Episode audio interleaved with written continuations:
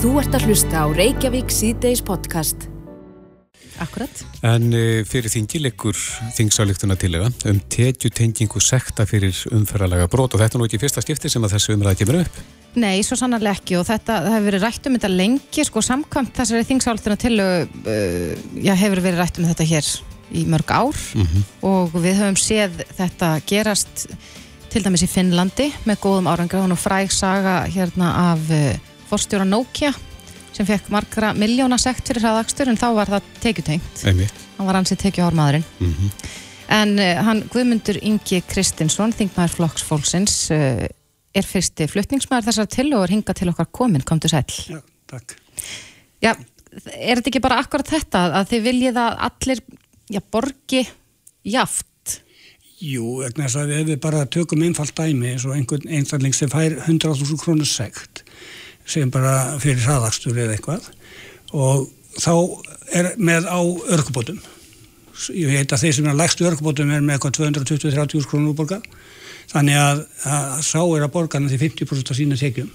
En síðan er á sama tíma einhver fórstjóri með síðan 3 miljónir og hann fær líka nákvæmlega sömu sektina og hvert býtur þetta? Ég minna að við sjáum það bara að það er 30 sinum hérna, minna bit fyrir þann sem er hátekjumann en heldur 50% af, af mánatekjum þess sem er á lægstuleikum Hvernig er þetta útfært? Þetta er út af sem hérna, þýnsáluti til, að, til dómsmálaður að fela honum að búa til starfsóp til þess að, hérna, að fara í gegnum þess að hérna, lögin og koma með tillugu um, hérna, um niðurstöðu fyrir hérna, 30. september 2022. Heldur það sé viljið til þess að, að fara þessa leið hér? Ég fekk nú ekki, það voru ekki margir sem voru tilbúin að fara á þetta á, á frumarpið en, en ég er að vona það að, að, að fá miskustu á umræði vegna þess að eins og það kom fram þá er búin að gera þetta í Finnlandi og það er líka ákveðin hérna í Danmörku þar getur fengið afsláttuð með lágatekjur og, og síðan eru svíja meina útgáð og þjóðverða líka þannig að, að það, var, það er auðvitað bara sangitist mál að ef við erum að refsa einhverjum að það er að býta alla jamt en ekki bara hérna býta þá sem er vestsettir vest og láta hinna sko, hinnir finn ekki fyrir þessu. Mm -hmm. En hefur þetta verið gert með góðum árangri í Finnlandi? Erstu búin að kynna þetta? Já, mjög góðum árangri í Finnlandi og þeir, þeir eru búin að vera með þetta langt lengst og þeir, það verist alveg bara virka vel hjá þeim og ég er eiginlega líka bara samfarið um það að ef við förum þessa leiða þá er þetta líka þá e, meiri fælingar á myndi valda meiri fælingu hjá þeim sem eru að tekja háir vegna þess að núna er þeim alveg bara, myndi ég segja nokkurnu þeim sama vegna þess að þetta býtu þá ekki neitt sem eru virkilega há, með háa tekjur. Mm -hmm. Einhverju getur mögulega veltið upp hvort að, að við þurfum ekki bara að reyna frekar að hvetja fólk til þess að hætta að keira á frætti eða brjóta umfæralög? Jú, það er, það er, það er svo við sögum hérna fíknefna löst Íslands árið 2000 eitthvað svo í, menn það er, við, við stjórnum því aldrei sko, það, við munum alltaf hafa það að einhver brjóti af sér, en, en þó allan að við eigum að sjá þetta, það á ekki að skipta neinu máli að ef einhver brýtur af sér og er sektaður og þá á það að býta hann jafnt ef hann býta, er, tveir einstakleikar er að brjóta sér nákvæmlega eins þá ekki að sekta annan þá báða um 100.000 krónur ef annar er með 300.000 krónur laun og hinn með 3 miljonir En hverju að stoppa þarna? Mætti þetta vera í fleiri brótaflokkum? Já, ég, það er einmitt í stíksálið að þeir eiga að skoða það mm -hmm. alla brótaflokka sem þetta varða vegna þess að þetta, ef við erum með brót á annan borð og ætlum að refsa einhverjum fjárhastlega og til þess að reyna að hafa þessi fælingamátt, þá verður það að vera jæmt á alla. Mm -hmm. Hefur þú heyrt sögur frá fólki sem hafa lendið því að, að, að í raun og verið hafa brotið umfæralegu og, og, og fundið bara rækilega fyrir því?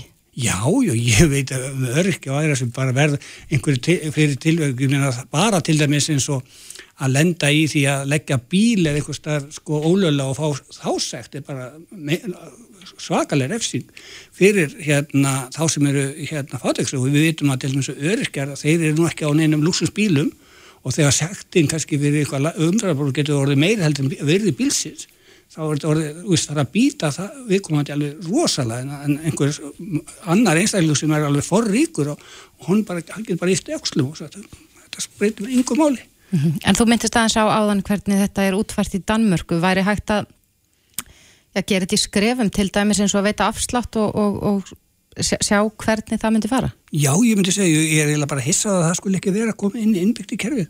Það ætti að vera bara nú þegar vegna þess að að, með, að meta það hvernig einstaklega fyrir sig hversu hérna vel hann er undir að búin að taka við refsingunni vegna þess að, að meðan hann, er, þetta getur sett fjáraðin algjörlega skorðun í honum og, eða hans fjölskyldu þá er það þetta gífileg refsing fyrir einstaklingina meðan annar bara getur yfir ökslum og, og, og tekur ekki sinni eftir það þegar hann borgaði sektina.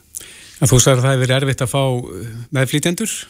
Já, ég fekk samt að það er hérna Jón Pál Jóhansson frá samfélgjöginni ráðsug en annars er það bara flokku fólksins. Já, Helga Vala Helga Dóttir sé hérna. Já, já. En uh, úr því að það var svona erfitt að fá fólk með á þetta, hefur þú trúið því að þú komir þessi gegnum þingið?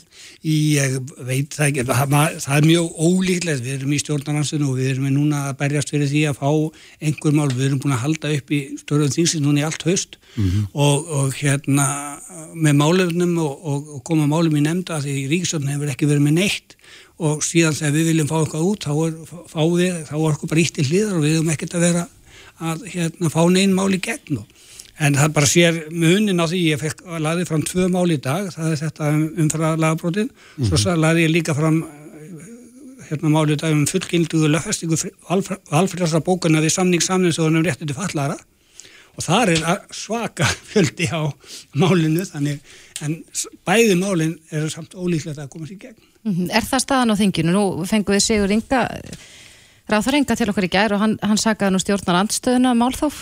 Ég, ég held að það sé svolítið langsat hjá ráðurum vegna þess að við bara við, núna nýlega var hérna, heilbíðsráður með hérna, þingunafröðmarpið og hann fór tilbaka og, og, og, og dráða tilbaka vegna þess að hann átti að segja á því að það var óbreytt og það var ekki búið að ræða við það fólk sem hérna, verður fyrir þingunum í, í, í helbilskerfunu þannig að eins og hérna, félag þeirra aðstandana sem hérna, það varðar og hérna, falla fólk hefur til og með sagt ekkert um okkar án okkar og það hefur alls sjálfsagt að, að þeir sem þetta varðar og félag þeirra sem er að verja þetta fólk komi að svona lagasending og hann tók það tilbaka og, og, og dróða tilbaka. Og við erum bara okkar ber skilda til þess að öll mál sem kom inn að fara í gegnum og reyna að ræða þannig að við áttum okkar á því eh, hvort þau séu lægi eða ekki. Og við verum með, það, það er búið að draga var dreigið til leigubíla máli og dreigið tilbaka, er að koma núna aftur. Og við erum núna að ræða fjarskipti. Þetta er allt mjög mikið val mál.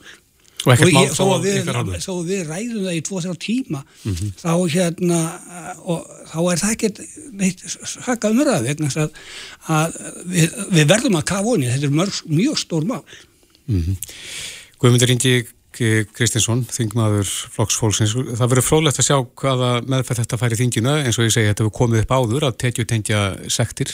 Já, en, en vonandi hérna er, verður þetta réttlættir mál í, fyrir gegn, ég tel þetta algjör réttlætti fyrir þetta, þetta fólk sem er vestsett að það sé ekki verið refsat í fjárhagslega mun verðheldur en hina sem er efna ég meina það gildur út af okkur þingma núna. Ég var áður örki, mm. þá hefði þetta refsað mér rosa mikið, nú í dag hef ég miklu meiri efnaði að brota það heldur áður. Og þú myndir, myndir alveg vera sáttur við það að greiða hæri sættis mér finnst alveg bara fárlegt að ég er að fá einhvern rosa í sjálf og segja afslátt myndi ég horfa ég fæ rosa afslátt af því að, að borga þessa sekt með annað vegna þess að fyrir mig er, er 100 krónur í dag hérna mikið minni peningur heldur en það var fyrir hérna nokkrum ára síðan. Mm -hmm. Guðmundur Ingi, kæra þakki fyrir komuna. Þú ert að hlusta á Reykjavík C-Days podcast. Jæja, höldum áfram í Reykjavík C-Days. Afkleipavæðing neyslu skamta eða, eða refsi leysi mm -hmm. fyrir þá sem eru greipni með neyslu skamta hefur verið mikið umræðinni Já. og það stendur til að leggja fram slíkt frumvort og að verið dreyðið tilbaka um daginn af helbíðisafura Akkurat það vakti mikla aðtöklum helgina þegar Bjarni Benditsson fjármálar á þeirra sagði að þurfti að fara eh, við þurftum að fara mjög varlegi það að segja að fíknefni séu löglega á Íslandi mm -hmm. og þetta hefur já svona umræðan í kjölfar hefur svolítið snúist um það sko, er, erum við að tala um lögleiðingu eða afglæpa væðingu og, og uh, þeir sem eru nú sérfræðingar í þessum efnum segja að, að þetta sé þekkingarleysi hjá ráþra mm -hmm. að tjá sig með þessum hætti og, og, en það er spurning hvar Leikja mörgin? Já, mm -hmm. uh, hinga til okkar í dag er komin Svala Jóhannesdóttir sem er, sérfræðingur í skadamingun og hefur unni með fólki með virkam vímöfnavanda á heimilisleysi í mörg ár. Kom til sæl. Komið sæl, takk fyrir að bjóða mér. Já, þetta er, þetta er svona þessi eilíðar umræða. Uh, Er þetta lögleðing? Getur útskipt fyrir okkur, já, kannski munin ástu? Já, og það er bara mjög mikilvægt fyrir einmitt hlustendur að því að, að hérna, nú hafa fjölmargir og, og meðal annars ráðherra landsins stýði fram í fjölmjölum og í rauninni talað af sko ákunni svona þekkingarleysi og það er mikið svona hugtaka rugglingur í gangi vegna þess að fyrst og fremst snýst afklapavæng ekki um að löglega neinn vímuefni. Efnin eru öll ennþá ólögleg, bönnu, það er bannað að kaupa efnin, það er bannað að selja þau og það er bannað að flytja þau inn og dreifa þeim. Það er alveg skýrt sangvænt lögum. Það er þeim megin við línuna að efnin eru ennþá ólögleg. En, en gerðu upptæk ef þau eru gripin á Fólki. og, og það er sko, og svo innan afklapavæðinga á, á neysliskamtum, að þá eru mismunandi mótil. Sumir uh, eru sammála því og vilja fara þá leið að, að litlir neysliskamta séu ekki fjarlægir af fólki. Og þá eru helstu rauksöndafæslina þar að það er til að tryggja það að allir geti ringt eftir viðbras þjónustu í landinu að því við vitum út frá rannsóknum til dæmis bara á Norðurlöndunum, við erum með rannsóknum frá Svíþjóð og Nóri sem sína fram á að svona 30-50-40% af fólki sem notar eitthvað tímun ólögulega vímuöfni vegra sig við að ringja í einni, tvo óska eftir sjúkrabílum eða lauruglu þegar eitthvað alvarlegt gerist og þá er auksendafæslan að við þurfum að taka þennan þröskuld í burtu til þess að veita fólki öryggi. Þannig fyrir suma snýst afglapavæðing fyrst og fremst um öryggi. Ef við komum aftur á því að löglega, það er löglega vímuefni þýðir það að vímuefnin öll eru lögleg. Við megum nota þau, við megum selja þau og við megum kaupa þau. Það er allt annað en afglapavæðing. Og innan lögleðingar er, með- er þá oftast að tala um tvö mótil. Þá erum við að tala um regluvæðingu og við þekkjum það að við erum með regluvæðingu á tóbaki og áfengi. Þá setur ríkið eh, laga ramma, varandi aldurstakmark, varandi aðgangsstýringu, varandi opnunatíma, hverju með að selja og svo erum við með lögleðing og þá er það í rauninni bara frjálsmarkaðar. Það má hver sem er selja og hver sem er kaupa afklampavæðing á neysliskömmtum og öll þessi frumvörspun hafa verið lögð fram á Íslandi snúast ekki um löglengu eða regluvæðingu á vímöfnum. Efnin sjálf eru ólögleg, kaup á efnunum eru ólögleg og dreifingu á efnunum eru ólögleg.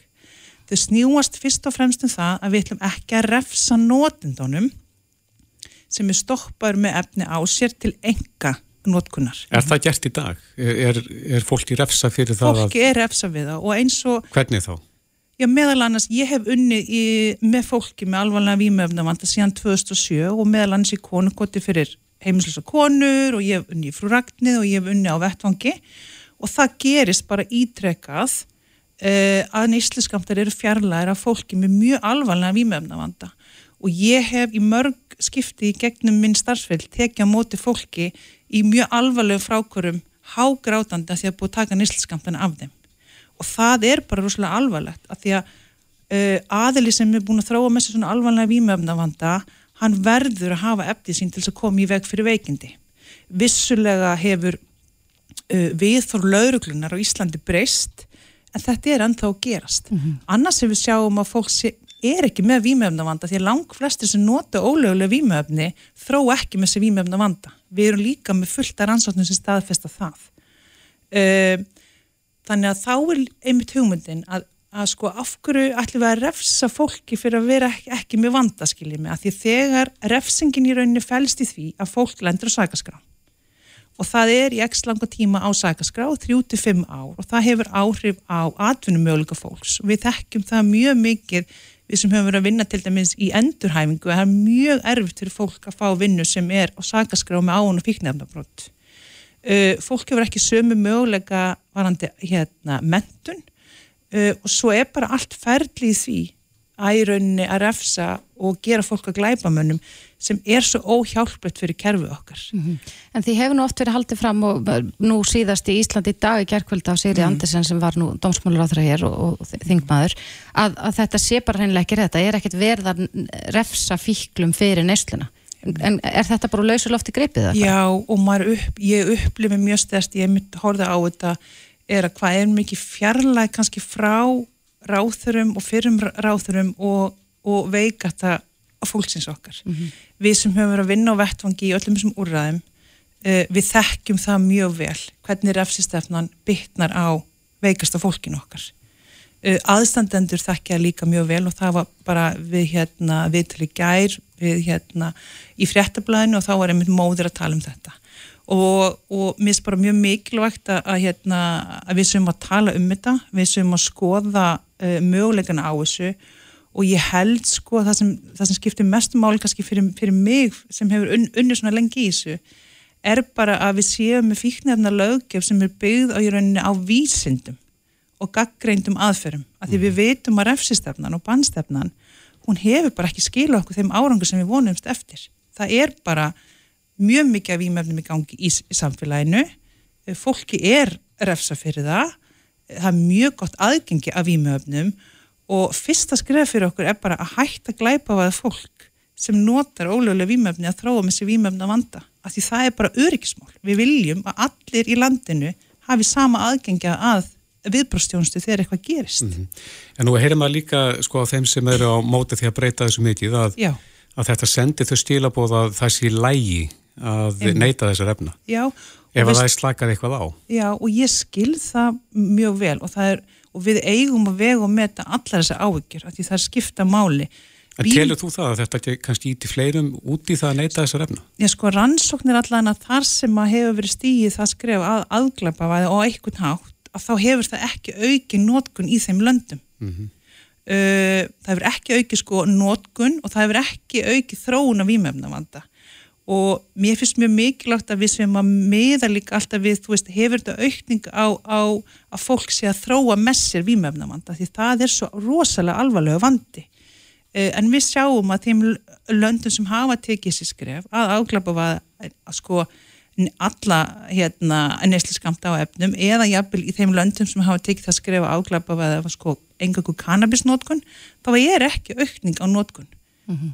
uh, hins vegar er ég við sammála því að veist, með svona breytingum uh, að þá myndum við alltaf vilja sjá fylgja mjög margt annað með það bara því það er nú þegar svo mikill skortur á fjármagni inn í výmöfna með fyrir á Íslandi og, og hérna og hluta til forvarnastarf þannig að En, en nú velti maður í fyrir sér eins og þú segir að þá er ekki allir sem að neyta výmöfna uh, veikir einstaklingar, fólk sem er, er haldið fíkn, en, mm -hmm. en hversu stór er sá hópur? Þú talaður um okkar veikasta fólk Já, við sko sjáum út frá rannsóknum að einstakling sem prófa ólögulega výmöfni uh, það er svona cirka 10% af fólki sem þróa með sér výmöfna vanda, þannig 90% af fólki þróar aldrei með sér výmöfna vanda mm -hmm.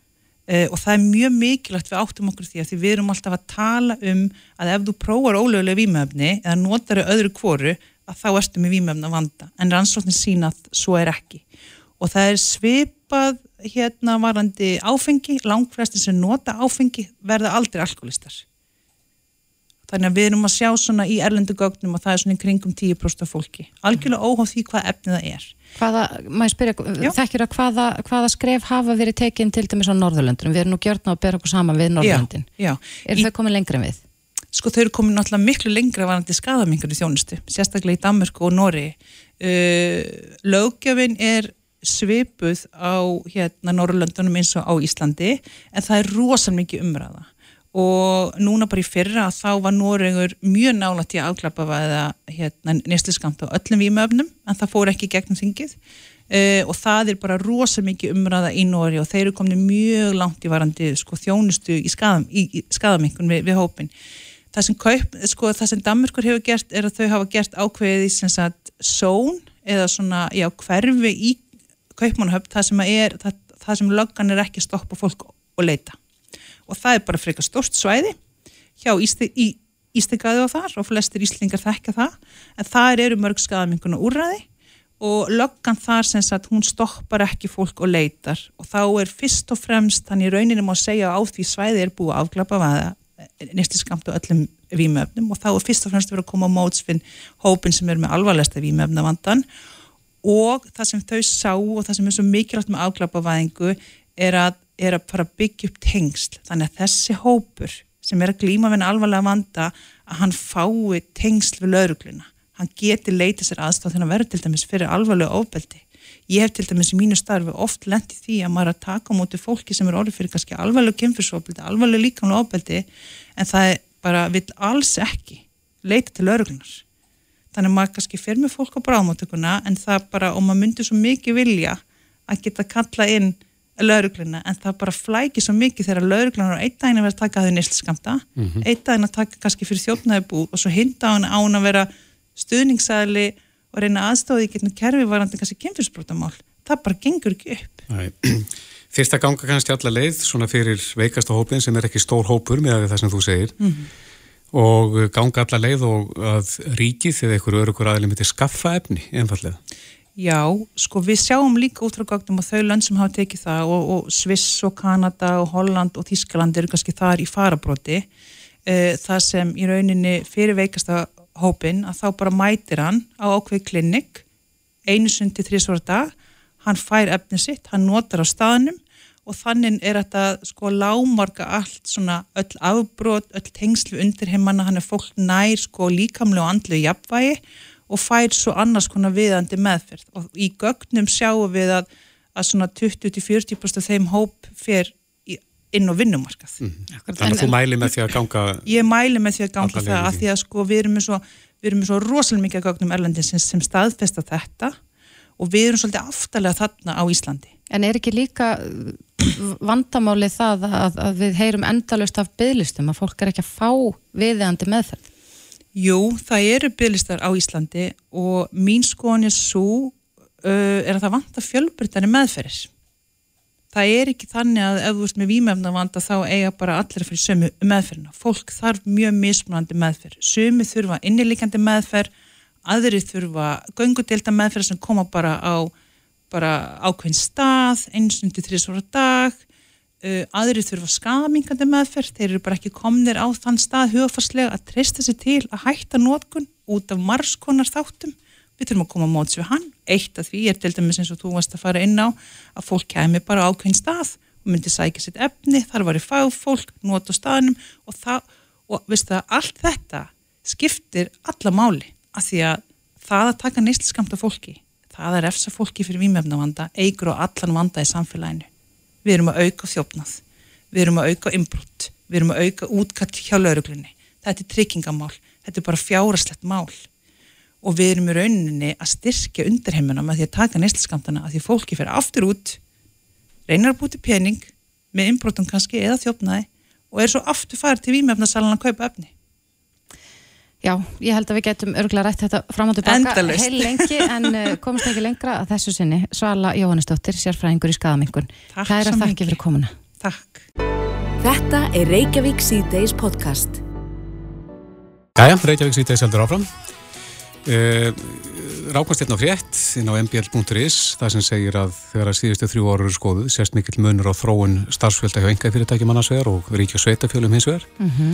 Eh, starfsfólki í engagerunum fækkað um 10.800 á þessum síðustu þreymar árum í COVID en fjölgað á sama tími 3.100 þannig að á meðan að dregur úr umsöðum hjá, umsöðum hjá engaðilum að þá tútnar ríkið út. Akkurat, Dilja Mist Einarstóttir, þingmaður sjálfstæðsflokksins spurði fjármála og efnaðarsráður að því eh, hvers vegna svona margir sérfræðingar var að færa sig frá engagerunum og yfir mm. til eins ofinbera og hún gerði þetta í kjölfar þess að í kjördæma vikunni heimsóttu sjálfstæðismenn hér í Reykjavík fyrirtæki sem að hvertur henn leifir því að ríki tæki frá þeim starfskrafta. Stæli að þau rækju orðið þjálfunar búður fyrir ríkistarfsmenn Já.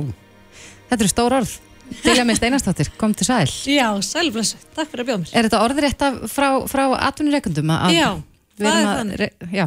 Við sérst að heimsóttum eh, verkfrá ráðgjafastofur meðal annars, heimsóttum fullta fyrirtækjum í í hérna kjörðamavikunni og, og við hérna þingmenn og borgarfylgdur á Reykjavík við heimsóttum meðal annars e, þessa starfstæðar og fengum þessa ábyrningar því við leitumst alltaf eftir því að fá svona ábyrningar og umkvartanir frá atvinnureikandum þannig að við veitum hvað með betur fara bæði hjá, hérna, í sveitafélaginu og, og ríkinu og þetta var svona mjög ofalega dagskrá að þeim finnist orðið þannig að samkeppnin var orðið svo hörð um starfsfólk frá hennu ofinbera mm -hmm. að þeir einhvern veginn reyðu til sín starfsfólk, þjálfuðu upp og svo þegar það var svona orðnir mjög varmætti starfskartar þá sagtust þér eftir því að fara í störf hjá henn ofnbera. Hlíjan og örugum faðum ríkisins. Já, hlíjan og örugum faðum ríkisins sem býður sko jafn góð eða betri laun uh, með, miklu meira starfsöryggi og, og auðvitað styrtingu vinnuvíkunar og eins og þú bendir á sko að bara við höfum bara nýlegt dæmum það þegar að skellur hérna á heimsfaraldur hverjir eru það sem að missa vinnuna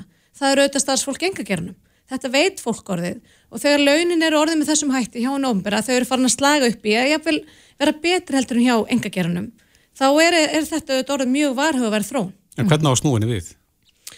Já það eru auðvitað sko fjármálar á þeirra sagði það í umræðinu og þinginu gæri að auðvitað tækja þau þessum ábendingum mjög alvarlega þó að, að vísu að þau byggja ekki við neinum gögnum um það sem ég var nákvæmlega að spyrjum sem var sagt, um hvort þau heldu utan um það þegar að sérfræðinga var að fæða sig svona milli og þau hafðu það ekki og svo benti hann að vísu það hann auðvitað svarar bara fyrir ríkið annað stort vandamál er auðvitað útþensla hjá sveitafélunum til dæmis eins og hjá Reykjavíkuborg þar sem að stjórnsýslan hefur þanist út. En eru, eru sveitafélagin ekki að taka við eh, hlutverk í ríkisins á einsum sviðan? Að einhver leiti þó er þetta nú einhver, einhver skipti, jú, mm -hmm. en við höfum til dæmis nýlegt dæmum hérna, verkefni hjá Reykjavíkuborg sem var hann að stafrein umbreyting þar sem að Reykjavíkuborg fer beinlinnis í samkeppnum mjög varðmætt og sjálfgeft starfsfólk, eh, teknumenta sérhæft starfsfólk og samtöku innanins gerði nú miklar og hávarir aðtóðsendu við þetta. Mm -hmm. Hvernig væri betra að fara að þessu?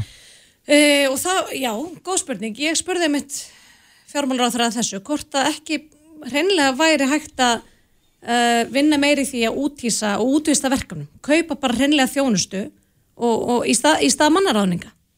Og hann hljómaði bara mjög jákvæði fyrir því og, og það ætti auðvitað að vera stefnan og það er það sannlega ekki á Reykjavíkuborg. Mm -hmm. Hvað varðum burt með báknir það því að nú gerist þetta á vakt sjálfstæðisflokksins? Já, það, það er líka góða tjóðsend eh, og, og hann bendur nú það fjármára á þeirra að eh, umsveif hins ofinbera hefðu ekki aukist meira heldur en í takt við íbúaþróun og fjölgun háskólumentara starfsmanna hefði líka verið í takt við í rauninni bara aukna, eh, auknar kröfur um sérþekking og mentun sem er auðvitað það sem við þekkjum líka bara á, á almenna vinnumarkanum. Eh, hins vegar þá auðvitað hafa ymsa breytingar á sérstað meðalins taknibreitingar sem ættu auðvitað lega til hagreiðingar og þessa að hérna, ríki geti að hagreitt og sveitafélagin sömu leiðis. Það eru auðvitað eitt vingil sem við verðum að skoða og síðan er það bara mjög mikilvægt að almenni vinnumarkaðurinn leiði launathróun, ekki ríkið. Og þegar við veitum dæmi þess að nýjútskrifaðir e, háskólamentaðir stúdendar meðal annars e, í lögfræðgeran þar sem ég þekki mjög vel til að þegar orðið ánum þannig bara á, á síðastlinum áratug að það fer frá því að það er mjög eftirsóknarvert og, og kefst um það að vinna e, á, á stofum á, hjá engafyrirtækjum ímiskonar í það að það sé kefst um störf, hreinleins kefst um störf hjá ríkinu og við vitum það bara af umsóknarfjölda að þá þurfum við að fara að skoða þessa þróun alveg. En, en hvað er þetta að byrja? Þurfum við, þurfum við að hækka launin í á hennum almenna markaði að lækka launin hjá ríkinu? Já, nú eru náttúrulega hérna, þegar við erum að skoða kröfur um launahækkanir og, og, hérna, og það eru auðvitað framöndan, þá auðvitað er þetta innlegt meðlans í umræðuna hvort að, hérna, að því við vitum það á síðastlega undanförnum árum að þá hafa launahækkanir hjá hennu ofnbæri verið miklu brattari heldur en á engamarkarum. Hvað veldur því? Og þannig Já, það eru auðvitað bara hérna, hávara kröfur um hæri laun og lengi vel þá var það svona viðtekinn vennjaða viðhor, getur við sagt, að, að fólk valdi svona mill þess að það fórustarfaði á almenna vinnumarkanum fyrir rættvilt betri starfskjör í formi launa eða valdi sér að vinna hjá henn ofinbera vegna aukina lífeyrisrættinda, vegna betra starfsumkörfis, fjölskylduvætna starfsumkörfis og, og, og, þarfamöndugatunum í dag er einhvern veginn ríkið fara að bjóða upp allan pakkan þið veitir, það er bara að fara að bjóða betur. Og þegar að e, mjög vel haft stafsfólk er að velja sér vettvang til þess að starfa á og, fyr, og þetta eru valkostætnir hvað velur fólk? Þetta eru er, bara reynlega og, og, og við veitum það. Akkurat Hegstu beitaður fyrir þessu en frekar á þinginu, ræða þetta meira eða, eða voru umræðarnar í gær Nei, mér, heyr, mér heyrðist nefnilega uh, bæði þingmenn og ráþurra hafa ímislegt til málun að leggja og það er mjög mikilvægt við séum að ræða þessi mál. Ég sömulegis er í miðvinnslu og er bara að fara að leggja fram á næstu dögum frumvart til breytingu á lögum um ofnbæra starfsmenn, réttindu skildur ofnbæra starfsmanna sem er líka svona mjög mikilvægur uh, lagabalkur að taka á. Ég fæ kannski að koma aftur setna Spennandi, Dilja Mist Einarstóttir, þingmaður sjálfstæðarsflokksins. Kæra þakki fyrir komuna. Takk sem leiðis. Þetta er Reykjavík C-Days podcast. Það er ótt að segja að Bubi Mortens hefði varpað sprengju á þegar hann setti fæslun á, uh, ég held að það veri fjöspólkina sína í gæðir. Já. Það sem hann sagði að hann haldi að þessi komi tíma á að stopna ný samtök fyrir veitingu verluna til íslenska tónlistamanna og hvenna. Mm -hmm. Íslenska tónlistaverlun eru komin í svo mikið bull að maður gapir, sagði Bubi. Og bætir við að ár eftir ár eru vinsælustu lögin hunsuð. En við erum náttúrulega með svona verlun. Hlustendaverlunin. Hlustendaverlunin. Þannig að þar er hérna, er það hlustendur sem að verluna tónlistafólkið. Já, myndist um þetta á að lægið Ef ástinni hrein? Já. En það er hverkið að sjá þetta? Nei, þetta er svolítið skrítið. Það var gríðarlega vinsælt lag hérna síðasta ári, ekki bara hérna Bilgjunni eða FM heldur bara út um allt. Já, mm. þannig ég veit ekki hvort það sé mikil heiður að fá þessu íslensku tónlistöflun ef þeir fara eftir ykkur öðru heldur en... Hverju er farið eftir, vitum við það? Ég bara átta mikið á því. Nei. Já, herðu, en aðeins að fótboltanum. Já. Uh, hérna fjármála áallun hefur litið dagsins ljós, hún var kynnt í dag mm -hmm. og þetta er áallun fyrir árin 2023 til 2027 mm -hmm. og í þessar áallun er ekki gert ráð fyrir nýjum þjóðarleikvangi Nei, þetta eru vætið mest aðtegli að því sem hefur komið þarna fram og fólk hefur ekki dögun í Já, má segja það og meðal annars hefur Dagbjörn Eggersson tjásum þetta mál og sagt að þetta sé nú, já stort högg að þetta sé ekki fara að gerast og hvort það þurfa bara að leita annar að leiða. Mm -hmm. en það er spurning hvað formadur KSI segir um málið en Vanda Sigurgesdóttir er á línunni, kom til sæl. Já, kom dæn Tala frá spáni. Já, ég er bara á leiðinni, bara að leiðu við leggja ykkur þá er ég bara að fara út af völl að horfa á stákana Rísa stóra völlin sem er hérna. Spátn Ísland á eftir. En Já. svona þín viðbrögð við þessari fjárveru þjóðarleikvangs í þessar áallin Það eru bara fyrst og fremst bara greiðlega vonbrið, ég get ekki sagt þetta annað fyrir mig og okkur í, í, í fótballstanum að þegar við, já, við vorum búin að eiga í, í samskipti við ráðamenn og ég bjóstið öðru, satt að segja og ég vona að þetta verði einhvern veginn, ekki tilbaka á einhvern hátt, ég bara trú ekki að þetta sé niðurstaðan. Mm -hmm. Er hægt að leita einhverja annar að leiða? Getur KSI... Uh Já, ég, man, fabulegur nú bara, já, hvernig er hægt að... Jú, jú, já, já, jú, jú, það er alveg hægt, en það er samt erfitt að gera það án aðkomi sveitafélag og ríkisvaldsins, eh, en það er alveg hægt að leita, á það fyrst mér á bara að vera partur af þessari vinnu, þessi samstarf sem á að vera milli sveitafélag, ríkis og, og ítöldurhefingarnar að finna jafnvel aðra leiðir. Mm -hmm. Hefur leita eftir svörum, þar að segja, hvers vegna þetta vantar inn í þessi áallin?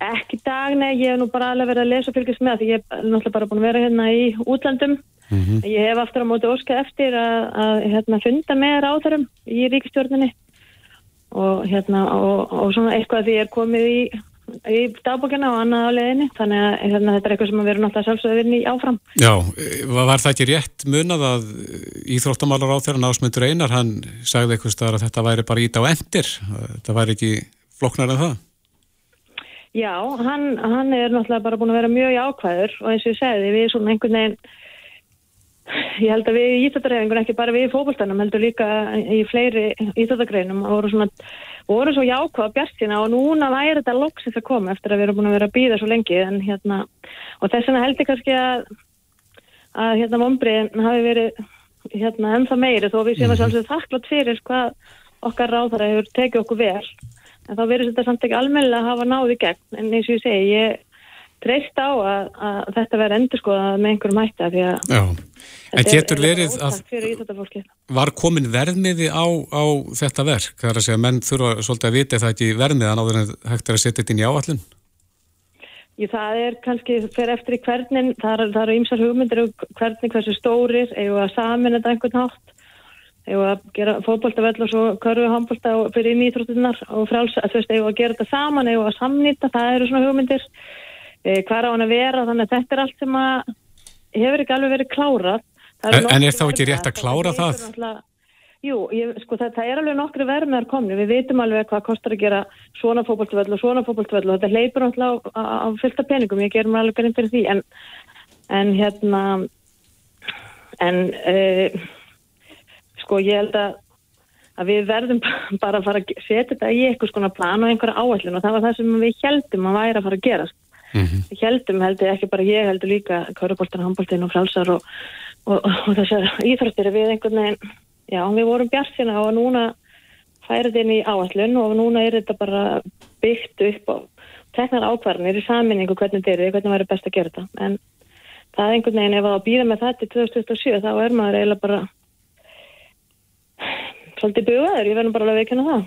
Já, er nokkuð því til fyrirstöðu að, að setja þetta inn í þessa áallun þegar menn vita svona nokkuð nefnir hvernig verðmiðin er, þannig að sé að sko, það bæta þessu inn jafnvel á næsta ári.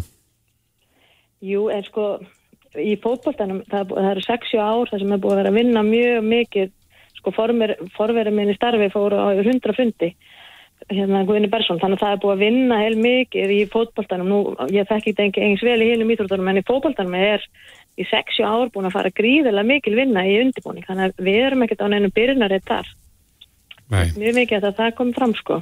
Einmitt. Eru rétt aðeins í logina þegar við erum að falla á tíma, það er leikur á eftir, Spátn Ísland, hvernig er, er liðið stemt fyrir leikin? Heyrðu, þeir eru bara mjög vel stemdir, stráfinir og hérna, okkar menn, þannig að mér, ég held að hérna, þetta er náttúrulega eitt bestalið heimi, það er engin spurning, Mm en ef þú spilar með hjartanu þá er allt hægt í fótbolta. Er þetta Ég- kötturinn á músin á eftir? Eh, Á peppurónum kannski, en, en það er allt hægt, það er allt hægt í fótbolta, sko. Ef þú, ef það er dugnaður og ægi og, og huröki og hjarta, þá gerast alls konar úrslit, þannig að hérna, það er allavega, þeir fóru hérna áðan og, og, og það var hugur ég, þannig að ég, hérna, ég byrja að býð spennt eftir að, að fylgjast með þeim. Já, senda góða ströma, segjum bara áfram Já, Ísland, bara Vanda áfram Sigurgestóttir. Ísland, alla leið. Já, kæra þakkir, Já. bless bless. Reykjavík síðdeis á Bilginni podcast. Ég hef aðeins verið að fylgjast með á Twitter Já. og þar er ansi áhugavert að fylgjast með, með millumerkinu Lestarflokkurinn. Já, er það nýflokkur? Já, það er spurning. Þetta er hann Jóngnar sem er að mikið að tala um já, samgöngumál og hann hefur verið núna fyrir norðan og segir að, að þetta myndi bara breyta hreinlega öllu og verið með var hægt að tengja landslutana saman með, með lestum. Já, Jóngnar komið til okkar, velkomin. Já, takk fyrir það. Þú ert lengi búin að velta þessum lestamálum fyrir þér. Já, ég, sko, uh, ég er búin að vera í vetur, uh, leika skuggasvein hjá leikfélagi Akureyrar og uh, mikið að keira á milli. uh, uh, sko, er að keira tvísar í viku á milli Reykjavíkur og Akureyrar, uh, uh, svona að meðaltali. Og sko, og þetta er fyrirhöfn, þetta er, þetta er dýrt og þetta er ferðamóti sem hendar ekki öllum, hendar allum ekki börnum mikið, já fimm börn og, og, og hérna þau hafa allir jöfnir verið mjög óspennt fyrir því að setja niður njörfuð í bíl einhvað og það verður það helst verið eitthvað eitthvað uh, einhver svona uh, videospilari eða iPad eða eitthvað sem uh, hefur haldið einn góðum. Og, og móti hafa þau þá lítið séð af landinu sko, þó það hefur farið um það sko.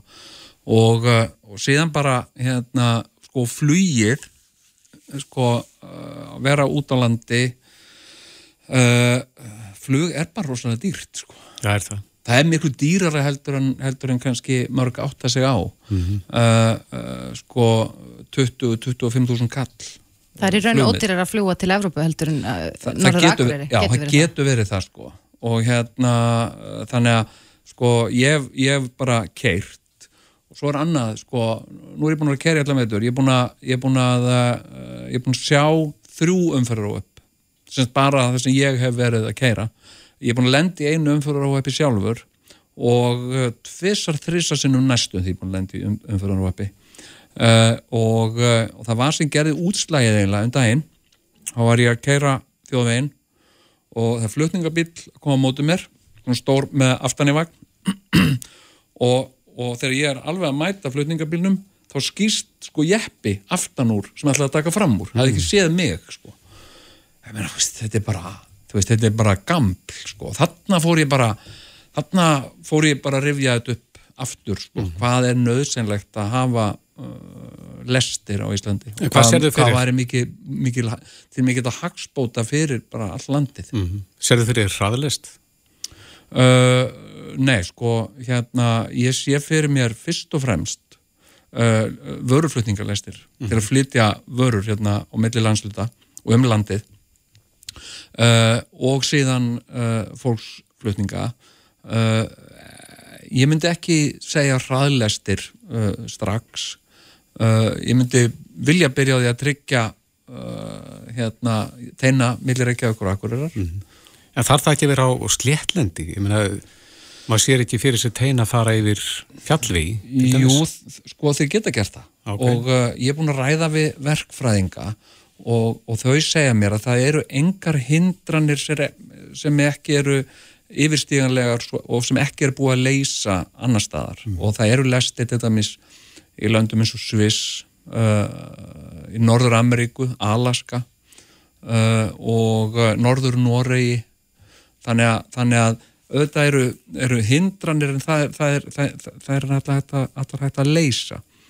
Og, uh, og hérna já Veistu hvað það myndi kosta? Er, er komið verðnið á þetta? Nei, ég auðvitað sko uh, myndi þetta uh, kosta mikið en, en sko uh, við erum nú þegar að kosta með miklu í vegakerfið og, og mér finnst sko sérstaklega núna þegar umferðin á Íslandir aukar svo mikið út að ferða fólki mm -hmm. túristar sem að eiginlega fara algjörlega um keirandi, mjög gærtnan á bílalögubílum sko fólk sem að er jafnvel hefur aldrei keirt í neinum aðstæðum eins og við þekkjum við um að vennjast hér á Íslandi sko.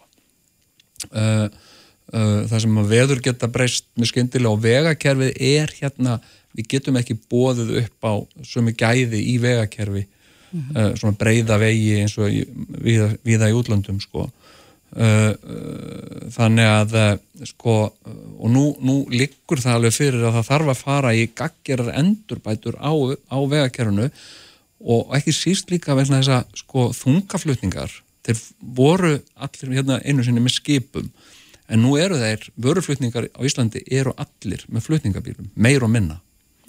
Og, og, og það setur náttúrulega gríðalegt álag á vegakerfið þannig að, að mér finnst þetta bara svo lógist næsta skref að við förum að Þú talar hérna á Twitter undir millumerkinu lestarflokkur, er þetta búið frambóð eða, eða er þetta vonast þess að einhver grípi þennan bort? Já, ég er nú svona meira vonast til þess. Uh, ég hef einu sinni farið frambóð og æ, ég er búin, svona, búin með það. Þú er að klára það að pakka.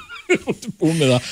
Nei, ég er svona meira að, að hveta til þess að, að, þú veist, þetta þarf náttúrulega einhverja, það þarf einhverja svona einhverja pólitíska sín í þessu máli. Þetta varðar, þetta varðar ekki bara samgöngur, heldur varðar þetta líka bara byggðastefnuna á mhm. Íslandi, veist, viljum, við, viljum við tryggja raunhæfa uh, og, uh, og blómlega byggð um allt land og erum við til í að fjárfesta í þeim innviðum sem við þurfum til þess að gera það og, hérna, og það tel ég að gera tel ég okkur gera með lestakerfi og uh, og hérna og ég, þú veist ég, ég held að þetta muni sko uh, borga sig upp á einhverju tíma mm -hmm. Hver á að taka bóltan? Íslenska þjóðin og, uh, og hérna uh, sko, mér finnst þetta ekkert að vera ríkisframkvæmt með einhverju svona samstarfi við einhverja engaðila og, uh, og ríkið ætti að, að sjá um þetta og, og svo náttúrulega, þú veist möguleikar á því að innhemta eitthvað, eitthvað, eitthvað gjald af, af túristum. Mm -hmm og ég held að túristum sé ekki að fara að fækka neitt hér, sko, eins sem bara að fara að fjölga sko. með uh, þá aukna álægi á vegakerfið? Já, og aukið álægi á vegakerfið því líka uh, sko aukin uh, slisa þetta. Mm -hmm. uh, og uh, og hérna uh, já Já, þetta eru, þetta eru spennandi pælingar. Það er spurning hvort að, hvort að einhver flokkur hvort sem það verður lestarflokkurinn eða Já, einhver annar grípið Nei og mér finnst þetta heldur ekki þú veist svona lesta uh, sko kerfi. Mér finnst þetta heldur ekki sko ég er líka búin að velta fyrir mig sko er þetta svona vinstri eða þetta svona hægri pólitík að vera með mhm. lestir? Og mér finnst það alveg bæði sko. Mm -hmm. að því þetta er líka sko uh, þetta er mjög hagkvæmt fyrir þá sem að eru að standa í veslun og viðskiptum og fluttningum og vörum og uh, hérna þannig að mér finnst þetta að vera bara allra, allra besta mál En hverju tapa þá þessu? Uh, sko uh, þau sem myndu tapa á þessu væri það fólk sem er að hagnast á hinnu mm -hmm. það er að segja þjónustæðarlega eins og rútufyrirtæki, bílalegur og uh, flutningafyrirtæki sem, a, sem a eru að, dempa þessum stóru flutningabílum hérna á, á þjóðvegina. Mm -hmm. uh, uh, þau myndu þau myndu tapa en við bjóðum þeim á móti bara hoppum borð og, og, og, og hugsið ykkur líka krakkar. Hérna, til dæmis, ég er hérna Reykjavík ég er hérna á bílunum mínum og mér langar að fara til Akureyrar og gera eitthvað Akureyri og ég tek lestina og bílinn minn getur líka að fara á lestina svo bara keiri ég bílinn minn út úr lestinni á Akureyri, ég get bara verið rund á bílnum mínum á Akureyri Já. og uh, sagt, án þess að sko, hann sé bara uh, áður en ég veit af komin upp í 180.000 km mm -hmm. uh, hérna mér finnst þetta bara, mér finnst þetta svo fallegt sko Við fáum hérna eftir Kristúnur Frosta sem er hagfræðingur og, og hérna þingona Já. fáum hennan mat á lestasamgöngur hér á eftir Já. Kæra þakki fyrir komuna hérna. Þakka ykkur Reykjavík síðdeis á Bilginni podcast. Við töluðum hérna áðan við Vöndu Söðugisdóttur uh, varandi fjármála áallin ríkisins sem að mhm. kynnt verið í dag og það er ekki gert ráð fyrir þjóðarleikvangi en uh, þetta er ansi drjúg áallin. Já. Ég lagði ekki í það að lesuna 400 okkar blassi, svona allavega ekki í dag. Mm -hmm. En... Uh, Lekkur yfir þessum um helgina? Já, já, það er bara helgar plönur komin. En uh, Kristrún Frostdóttir, þingmaður samfélkingarna, segir að það sé sláandi að aðgerðir fyrir þá sem að helst verða fyrir barðin á mikill verðbólgu séu ekki bóðaðar í fjármála áallunni. Já. Kristrún er komin, velkomin. Takk fyrir það. Hvað áttu við með þessu? Ég, við erum bara að horfa upp á tölur sem meðalans byrtust í morgun, 6,7% verðbólga, uh, sem við hefum ekki séð í 12 ár og þetta er mjög sérstakt ástand, við erum mögulega farin í ástand þar sem að verður verðbólka og minkandi hagvöxtur. Um, og verðbólgan er þess eðlis að hún er drifin áfram að húsnæðisvegs hækkunum og þessar innflutu hækkani sem er mikið verið að tala um ráveru verð út á Úkræn og þess að þar, það er ekkert komnar inn í að miklu mælu fólk heldur, þannig að þetta er bara byrjunin að mörgu leiti að maður auðvitað ekkert að vera að tala upp verðbólku væntingar þá þarf maður líka að vera raunsar að það er mikið verðbólka í pípunum og það er mjög misjant eftir stöðu fólks, bæði aldri og tekjum, uh, hvernig svona verðbólkuþróun hefur áhrif á hérna, tekju eða þar að segja nýtingu tekna fólks. Nauðsynja veru sem hækka mikið í verður til dæmis miklu hæra hlutvall af ráðstöðunartekjur fólks á, á lágum tekjum og það er líka oftum að ræða ungt fólk. Húsnæðiskostnar er herri hjá þessum hópum fólk sem er nýbúið að skuldsetja sig mikið til ungt fólk eða fólk að stækka við sig sem að tók lána á lágum vöxtum sem hafa nú hækka mjög skart og er að hækka skart. Þannig að þetta eru sértekir hópar, þetta er ekkit allir í íslensku hækjörfi því að það heyrist svo oft, við höfum það svo gott sko, kaupmáttur sér svo góður, þetta eru bara meðaltöl en það eru hópar þarna sem verða fyrir barðina þessu og áhættan er svo og það sem ég var ágjörðað þegar maður les fjármála álluna, það er svolítið bara verið einhvern veginn að sigla í gegnum þessa stöðu og vonast eftir krossaputta að þetta hafi engin áhrif. En ef er ekkert gert fyrir þessa stöku hópa sem að þurfa smá aðstóð núna, þá getur þetta brotist fram í miklum almennum launahækkunum í haust. Verðan að einhverju hópar fara að krefjast á harri launahækkuna í haust sem að ítir þá við öðrum hópi og ítir þá við öðrum hópi og það fer af stað svona vikslverkun launa og verðbólgu sem getur þrýst verðlægi upp það eigur þá kostnar ríkisjós bæði launanlega séð en líka út af verðbólku og þá er allt í hennum bara fjármála áhaldun fókin. Þannig að það komir mjög mikið óvart í laseta að sjá að það er ekkert gert ráð fyrir neinum eh, sérstökum aðgjörum út af þessu verðan þess að þetta er bara mjög sérstakt ástand sem við erum, erum stötti í dag. Hvernig aðgerri væri tækar núna á þessum tímpúti?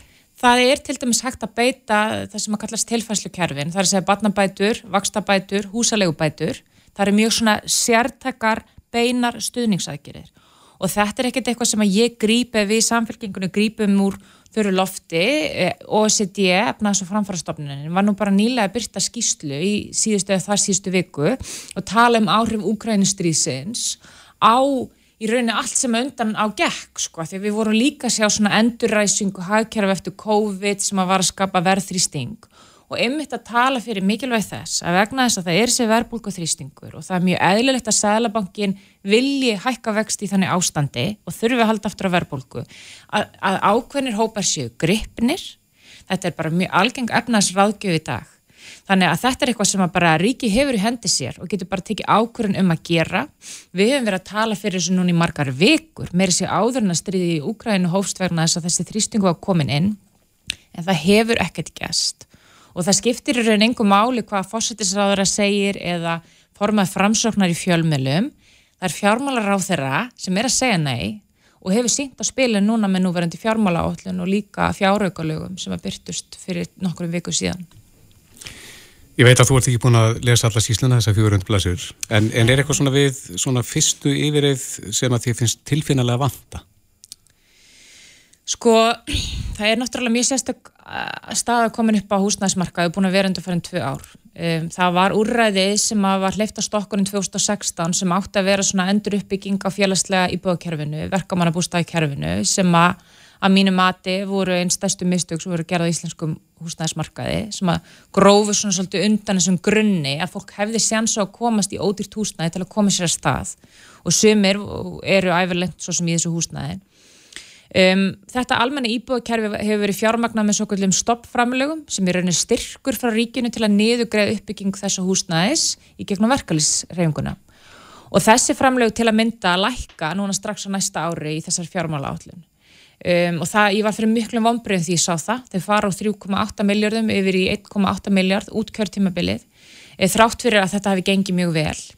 Það kann vel að vera þessu sé mættingstar annar starf í fjármálaálluninu og það þarf bara að gera grein fyrir því, en þetta var e, allavega liður sem á allir mér miklum vonbröðum. En síðan má bara almennt segja ef að maður skoðar e, stóru myndina eins og til að mynda í fjárfestingum Það er mikið verið að tala um fjárfestingaskort, ég menna mikið í dag því voru síðasta að ræða um þjóðarleikfangin fyrir í dag það ekki. Þetta eru svona innviðafjárfestingar í hagkerfinu og þær, þær voru algjörlega á hold bara í byðstöðu eftir hrun. Og við hefum rosalega uppsapnað innviðaþörfi kerfinu. Og þrátt verið það og þrátt verið gaggrinni undanfari ár frá sérfræðingum fjármálaráði um að fjárfestingins ofinbera hafi ekki skilað sér nægilega, þá eru við ekki að sjá neina sérstakar viðbætur núna í þessar áallun og það sem er eiginlega vest er, er staða sveitafélag þegar það kemur að fjárfestingum verðan að það líka ger grein fyrir henni í þessar fjármála áallun og, og sveitafélagin standa verð en ríkið verðan að, að, að ríkið hefur verið að stunda ákveðinu svona bakdera niðurskóra pólitík, þess að ég kalla það það sem hefur verið að flytja verkefni yfir til sveitafélag með oflittli fjármagni sem gera verkum að þau þurfa að standa undir auknum rekstri og hafa þá ekki fjármagn til fjárfestinga. Þannig að þetta eru líka leiður sem ég nautum síðan má þetta bara ræða stóru pólitísku myndina sem er að ég, mena, ég er bara í velferðsinnum flokki. Ég vil eitthvað að ríki sé að vasast í öllu ég trú að blanda hagkerfi og enga framtak en ég trú líka mikilvæg þess að við séum með stert velferðarkerfi þannig að allir geti sótt þessu blessuðu tækifæri sem við erum alltaf að tala um. Og það er mjög skýr pólitík í þessari áallun sem sínir að undir lok kjörtímabilsins það hafa tekjuríkisjóðs og göldríkisjóðs ekki verið lægri sem hlutvalla hagkerfinu á öldinni og það bara verið að taka ákverðun um að draga aðeins saman seglinn smám saman hverju ári. Og að þetta gerist hægt og búið að gerist yfir áratu þá tekur fólk ekki eftir þessu. Það verið að selja fólki þá hugmynd að setja að lækka göld, skatta, yngreslur inn í þessa samtryggingu og sama tíma auka velferðarþjónustuna. Það kann að vera pólitík sumra og ég þá bara bera veriðingu fyrir því. En fyrir einstaklingar svo mig og ég held einhverja sem flokkun sem er í ríkistjórn þá er þetta einfalda ekki pólitík sem gengur upp ef við ætlum að veita hérna norræna velfæraþjónustu. Akkurat, ég, þú talar aðeins um hérna hópin áðan ungt fólk sem er, er eh, búið að skuldsetja sér mikið mm. núna svona einhvern veginn í kjölfar COVID þegar vextir voru lámarki en, en ég tók eftir því að því var nú eiginlega fagnað að sko á síðast ári keftu gríðarlega margir mm. sína fyrstu eign. Hefur þú heyrst í þessum hópi þeir sem eru núna kannski að gjalda fyrir vaksta hækkanir og verðbruka? Það sem var auðvitað sérstaklega þessa framsetningu er auðvitað frábært að fólk kemst inn á markaðin og hver og einn aðli er auðvitað bara að reyna að bjarga sér. Það er mjög eðlert og það er engin að gaggrina ákvarðanir einstaklinga að fara fram, taka lán. Vandin er það vantar yfirsín og hefur ofinbæra á að vera með yfirsín yfir því hvort að allir sé að gera þetta á sama tíma, hlaupa einum sömu hörðunar og skapa einan þrýsting. Og ymitt út af þessum þrýsting þá tók fólk kannski 10 miljón krónar meira lán en það hefði þurft út af því að fasterna verð hækkaði og fyrir einstaklinga, ungt fólk, tekilagt fólk sem var svona á jæðrunum að komast inn, þá eru þess að tvö, mögulega þrjú, kannski fjögur prósent sem við munum sjá í hækkunum vaksta á næstu mánuðum, bara týjir þúsunda stundum á mánuði. og þetta eru verulegar uppæðir fyrir fólki í þannig stöðu. Þannig að ég held að við verum að varast þessa umræði sem svolítið heyrist núna frá ríkistjórnunum að meðaltali gangi allt vel. Það er fullt af fólki sem hefur það bara mjög gott og við erum ekkert að að draga allan í súgin, það er ekkert ömulegt að búa Íslandi. En það eru ákveðnir hópar sem þurfa stuðning. Og ég held að þorrið þjóðarinnar vilja þessu stutt við þessa einstaklinga. En þess að stór hópur er þarna líka bara ungt fólk sem er að koma til þessu fótunum sem hefur ekki bakland. Þyrti annars þá mögulega ganga á spartna fóreldrarna sem að missir þá fyrir, fyrir hérna æfikvöldið skilji. Þetta snýst um jöfn tækifæri þannig að ég, sko, ég held ennþá í, í von að það er nokkra vikur eftir þinginu við sjáum kannski einhverja breytingar á varan þessi sértök úrræði ég held hins vegar að það sé bara ákveðin pólitík sem er verið að stunda í fjármálaráðunitinu sem að, hvað, hvað ég segja, mun ekki gefa sig en kannski kemur þrýstingur frá öðrum stjórnarlegum. Já, og það er náttúrulega, hún er rétt að hefja stumraðan um þessa fjármála áallun, þingið hefur nú tekið við.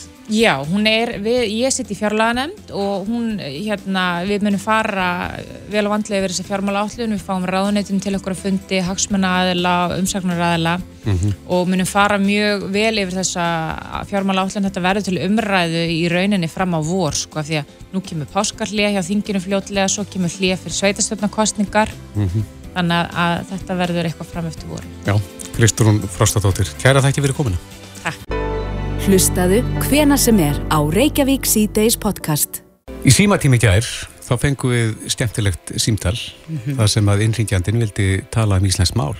Akkurat og okkur þykir þetta skemmtilegt umræðefni og uh, hún sagði okkur frá því að, að hún hefði skrifað greinin á vísi.is og þar er nú eins að nýta í, í já, umsjóna fólk útvarstáta meðal annars. Já, eins og okkur. Eins og okkur mm -hmm. og að tala um það að, að, að ennsku slettur eru orðnar algengari og segir hér að það eru nánast að kaffæra umræðina.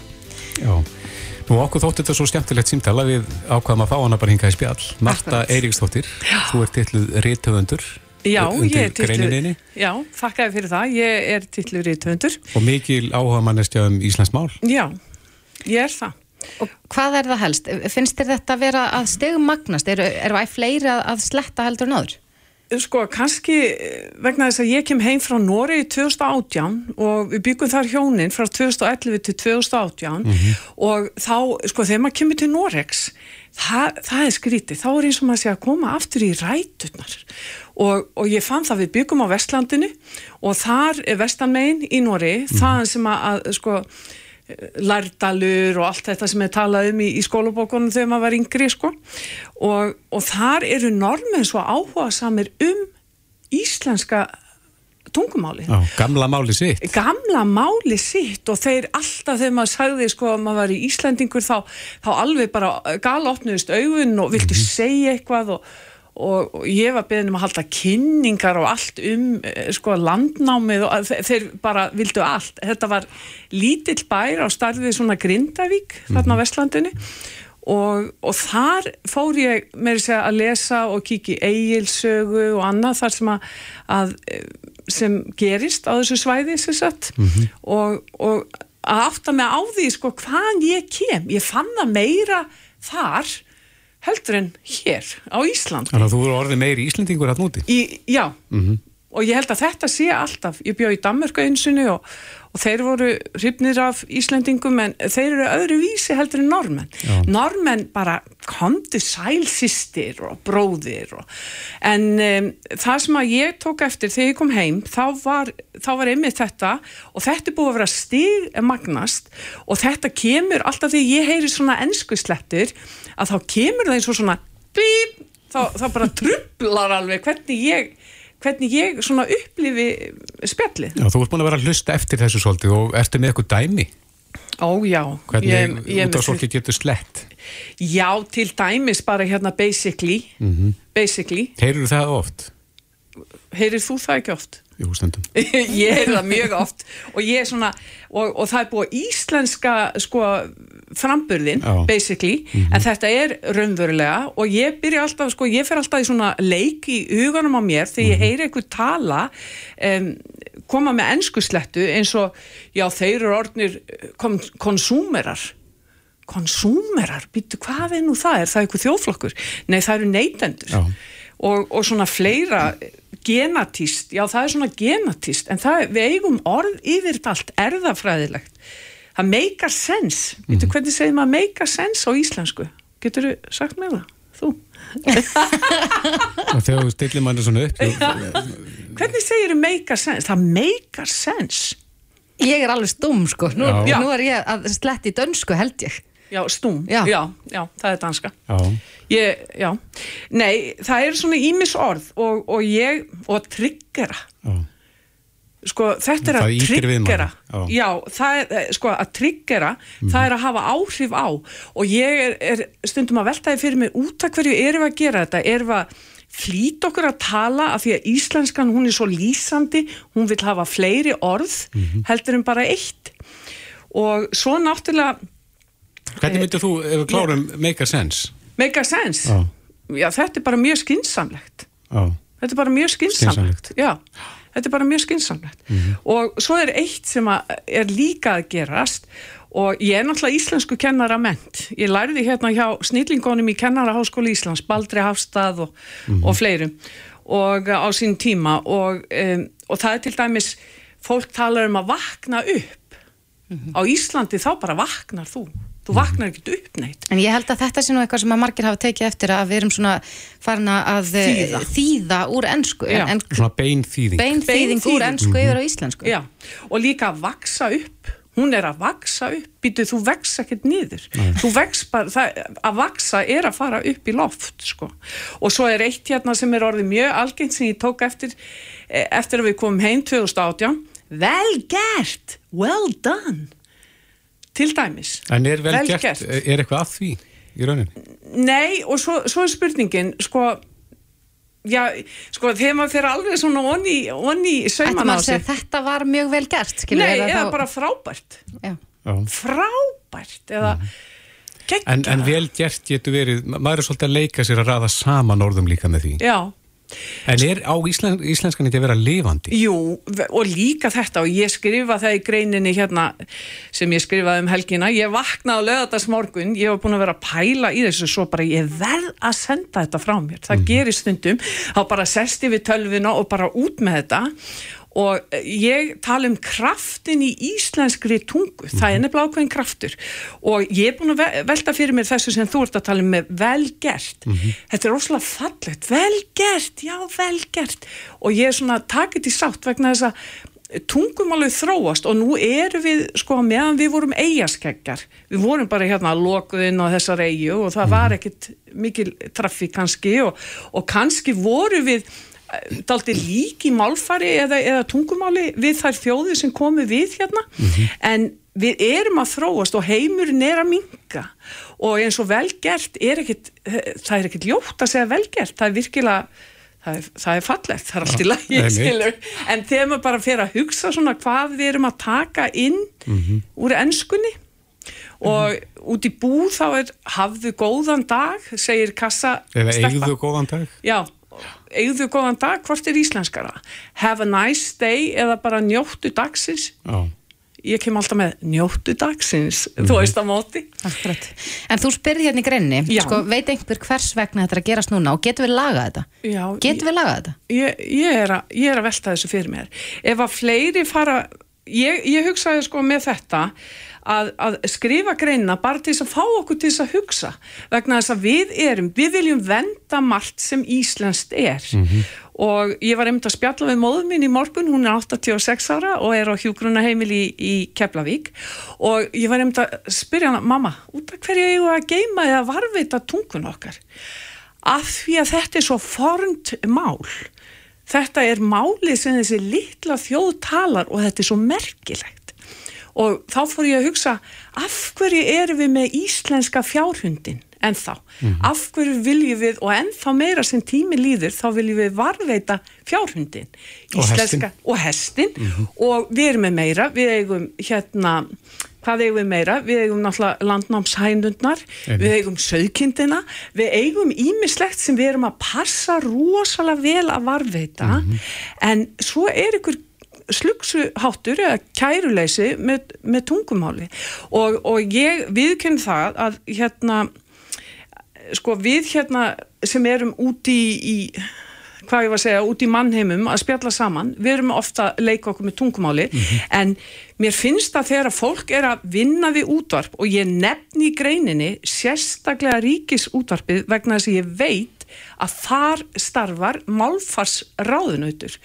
Og þegar ég er farin að heyra fólk sem að ég ber virðingu fyrir í útvarpi bæði hér á bylginni og rúf og fleiri stöðum leifa sér að nota svona orð.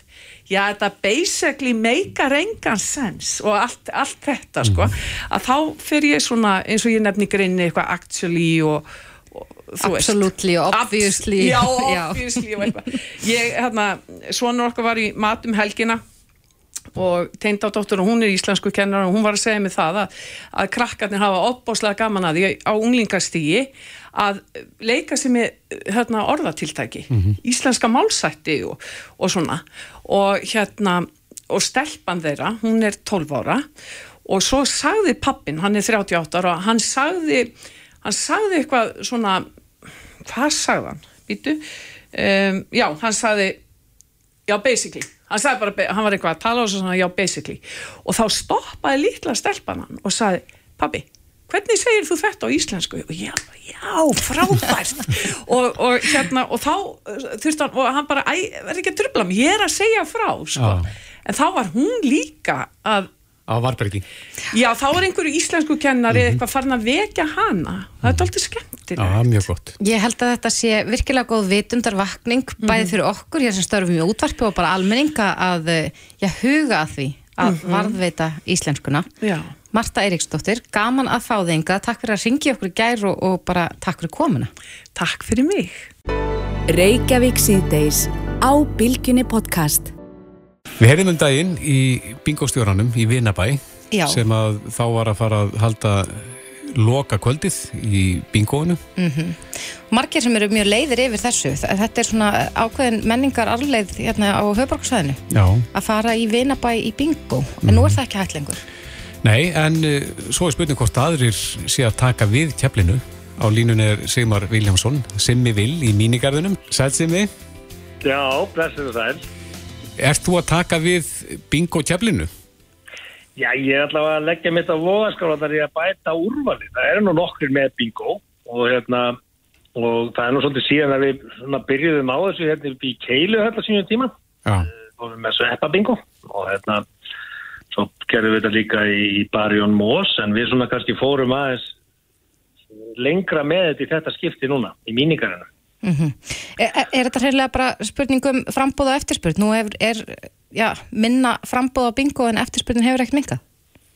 Nei, ég held ekki sko. Ég meina að það er alltaf gaman að koma á gott kvöld, bingo kvöld og, og sérstaklega ef að, ef að þetta vinningarnir eru líka spennandi. Og, hérna, og þetta sem við erum að leggja upp með núna er að þetta er skemmt í kvöld en það er líka til mikils að vinna. Þannig að hérna, það er að blanda því saman. Það er góður að vinna hópi sko.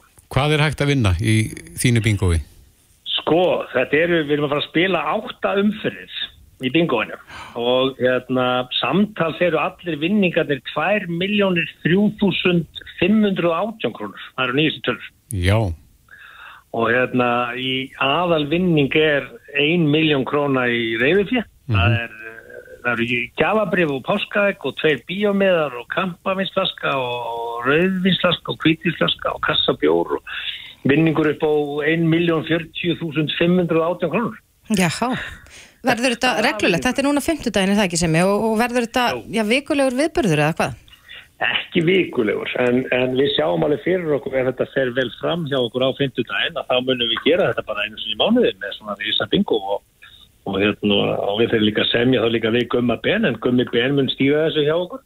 Og hérna það er nú ekki dónalegur stjórnandi bingostjóri og, hérna, og þá, þá líklega verður þetta bara mánaðalegt þannig að það fær nú vel á stað, við fórum í svona forsölu á bingospjöldum á netinu og erum bara eiginlega uppseld á í forsölunni, þannig að hérna, við getum bætt einhverjum við á staðnum en, en klálega fór langt fram úr okkar fyrstu vonum. Já, en þetta er á staðnum með þetta, það er eftir ekki á netinu.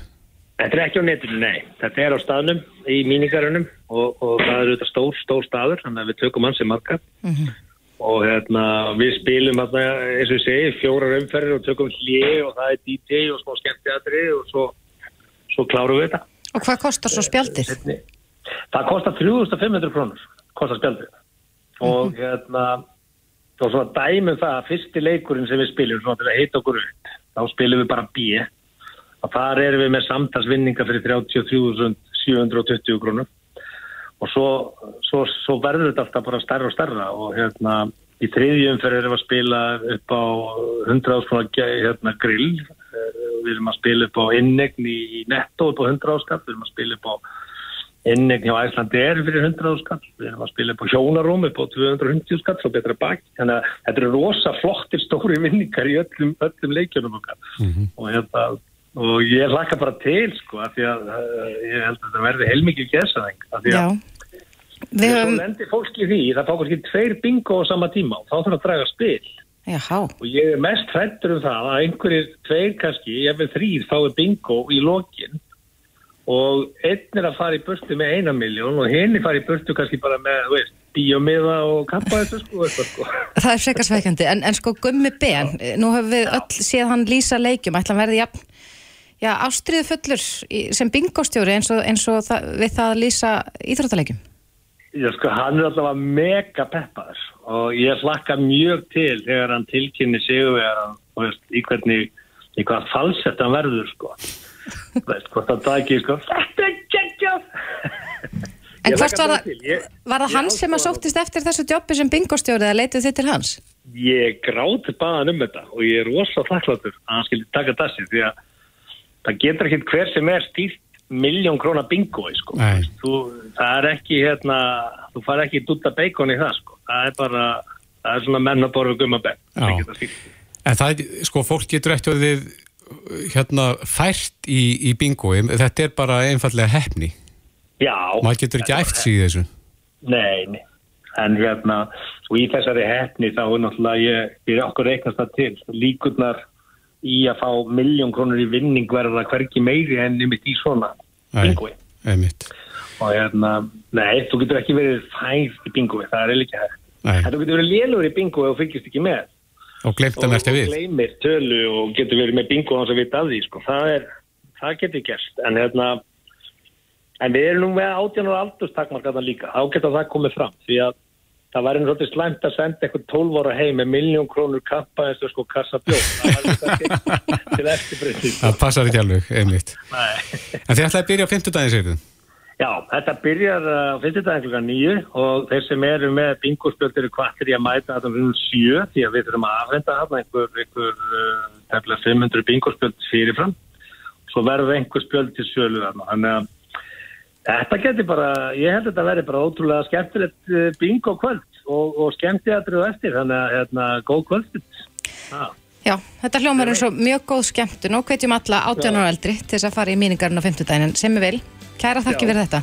Takk sem er leiðis, gáðan að ykkur. Sem er leiðis. Reykjavík síðdeis á bylginni. Jæja, það eru margar skemmtilegar skoðana greinarnar eða píslarnir inni á vísi.is mm -hmm. og ég rakst á eina þar sem að greinarhöfundurinn er að tala um mál sem að viðunar enda rætt í gegnum árin hér á, á bylgjunni í Reykjavík síðdeis. Akkurat. Það er uh, möguleg breyting á fánalögum eða nöðsin þess að mati píslahundar. Já, sko fánalögin eru þetta ströng. Já, þau eru það. Og já, maður veltegi fyrir sér sko hvort þetta sé bara síns tíma. Mm Ég til dæmis er ekkert vissum að ég myndi alltaf að fá mér fánastöng út af því að maður þurfti að kynna sér allar reglunar. Já, já, það er nú allt í lagi verið með fánastöng en, en mér skilst að, að ástæðin fyrir því að hann Pétur Helgi Sigursson nefandi í mentaskólanum í Kópói ástæðin fyrir því að hann skrifaði þetta var einmitt að fjölskyldan fekk sér fánastöng og uh, Pétur er á línni, kom til sæl. Góðan daginn. Er það ekki rétt? Var, ekki svona, uh, var það ekki ástæðin fyrir skrifanum að þú, þú fóst að kynna þér fánalögin? Jú, jú, ég var hérna, við fengum fánastöng, fjölskyldan og þá þurfti maður að kynna sér lögin. Já. Það, já. Og hvað, af hverju komstu? Hérna, ég náttúrulega komst að því að, að ég mætti ekki flagga fánanum eftir ákveðin stund, yfirleitt sólsetur. Mm -hmm. Og, hérna, að þá þurfti ég náttúrulega alltaf að taka fána niður um eftir kvöldmat og setja hann aftur upp um mótnana Mhm. sem er náttúrulega þreytandi þá maður veit að í öðrum löndum þá er það löglegt að vera með fánastöngina og fánan á, á landinu sínu um nóttuna líka Já. Þú, þú skrifar, Pétur, þú hérna fyrirsögnin á greininni heitir Spari stellið hennar ömmu og þú setur það svolítið í sammeiti við fánan Já, ég já, og gengur út frá því að, að Spari stellið hennar ömmu, það er, það er notað miklu sjálfnar heldur en, heldur en kannski hérna mætti. já, alveg rétt það er hérna að það bara maður á alltaf, það eru alltaf þessar ömmu sínar sem eiga alltaf eitthvað ógæslega fína diska eitthvað svoleið sem má bara nota einu sinni eða tvisa sinnum fara með hann á, á, á, hérna, á ári Mm -hmm. Og annars eru þau bara gemtir inn í skáp og aldrei sindir og óksla fallir og má ekkert gera við það Mhm. og ég, og ég vildi meina setja samhengi við svolítið við íslenska fánan að það, það er aldrei flagga á hennum út af það er svo þreytandi að flagganum og það hann er bara uppi á 17. júni og ég meina þú lappar út í bæ og þar eru allt í fánastöngum en engin fánar Mhm. sem finnst svolítið mér finnst það svolítið skríti Myndur vilja sjá já, íslenska fánan oftar eh, bara svona eins og að göngu um bæinn að við getum verið að flagga oftar en, en við í raun og veru getum núna? Já, mér finnst mér finnst að við ættum að það væri bara miklu fallegra og flottara að geta verið með fána og séð íslenska fánan á landinu sínu þegar maður er, þú veist, aðlappa út í bæ. Mm það er meinu sem ekki fáni á stjórnaráðinu þar með hann Nei, já þú tekur einmitt uh, það fram í greininni að er ekki tólf ofinberir fánadagar. Jú, eitthvað svo leiðis Já. En uh, já, við getum alveg tekjundi það að, að vel upplýstur fáni í myrkri eftir sólsetur getur verið bara mjög uh, fallegur. Já, ég er algjörlega samanlega því og þannig er það í öðrum löndum en þannig er það ekki á Íslandi. Nei, svona til þess að stjerpa þeins á og fara þeins yfir lögin að þá verður að taka fána niður fyrir sólsetur. En yfir, yfir sumatíman uh, það sem að sólinn sest alla þar verður að taka niður við sólsetur en eigi síðar en 12 minnætti. Já, Þetta er þá ansi já, stuttur tími svona yfir, yfir dimma veturinn okkar Já, þar sem við getum haft fánan á lofti já, að sjálfsögðu Hefur þið fengið viðbröð við greininni?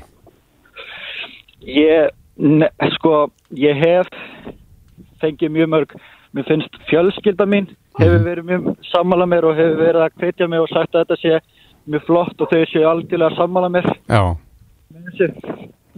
En þú ert vantilega að vonast til þess að ykkur á þingi eh, heyri í þér og, og takja málu upp þar. Þeir geta breytt þessu.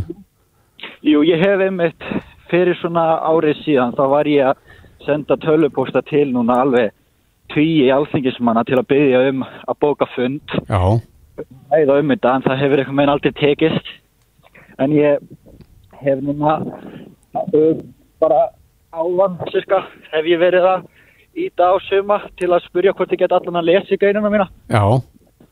Þú leifur okkur að fylgjast með hvaða viðbröð þú farið við því. já, já, stjórnsið Er það ekki? En gangið vel með þetta, við hérna tökum bara undir með þér að, að þetta mætti vera svona aðeins liðilegra fyrir, fyrir þá sem að eiga fánastangir og vilja flagga meira. já, algjörlega Pétur Helgi Sigursson, kæra þakki fyrir þetta. takk, takk Bless, bless.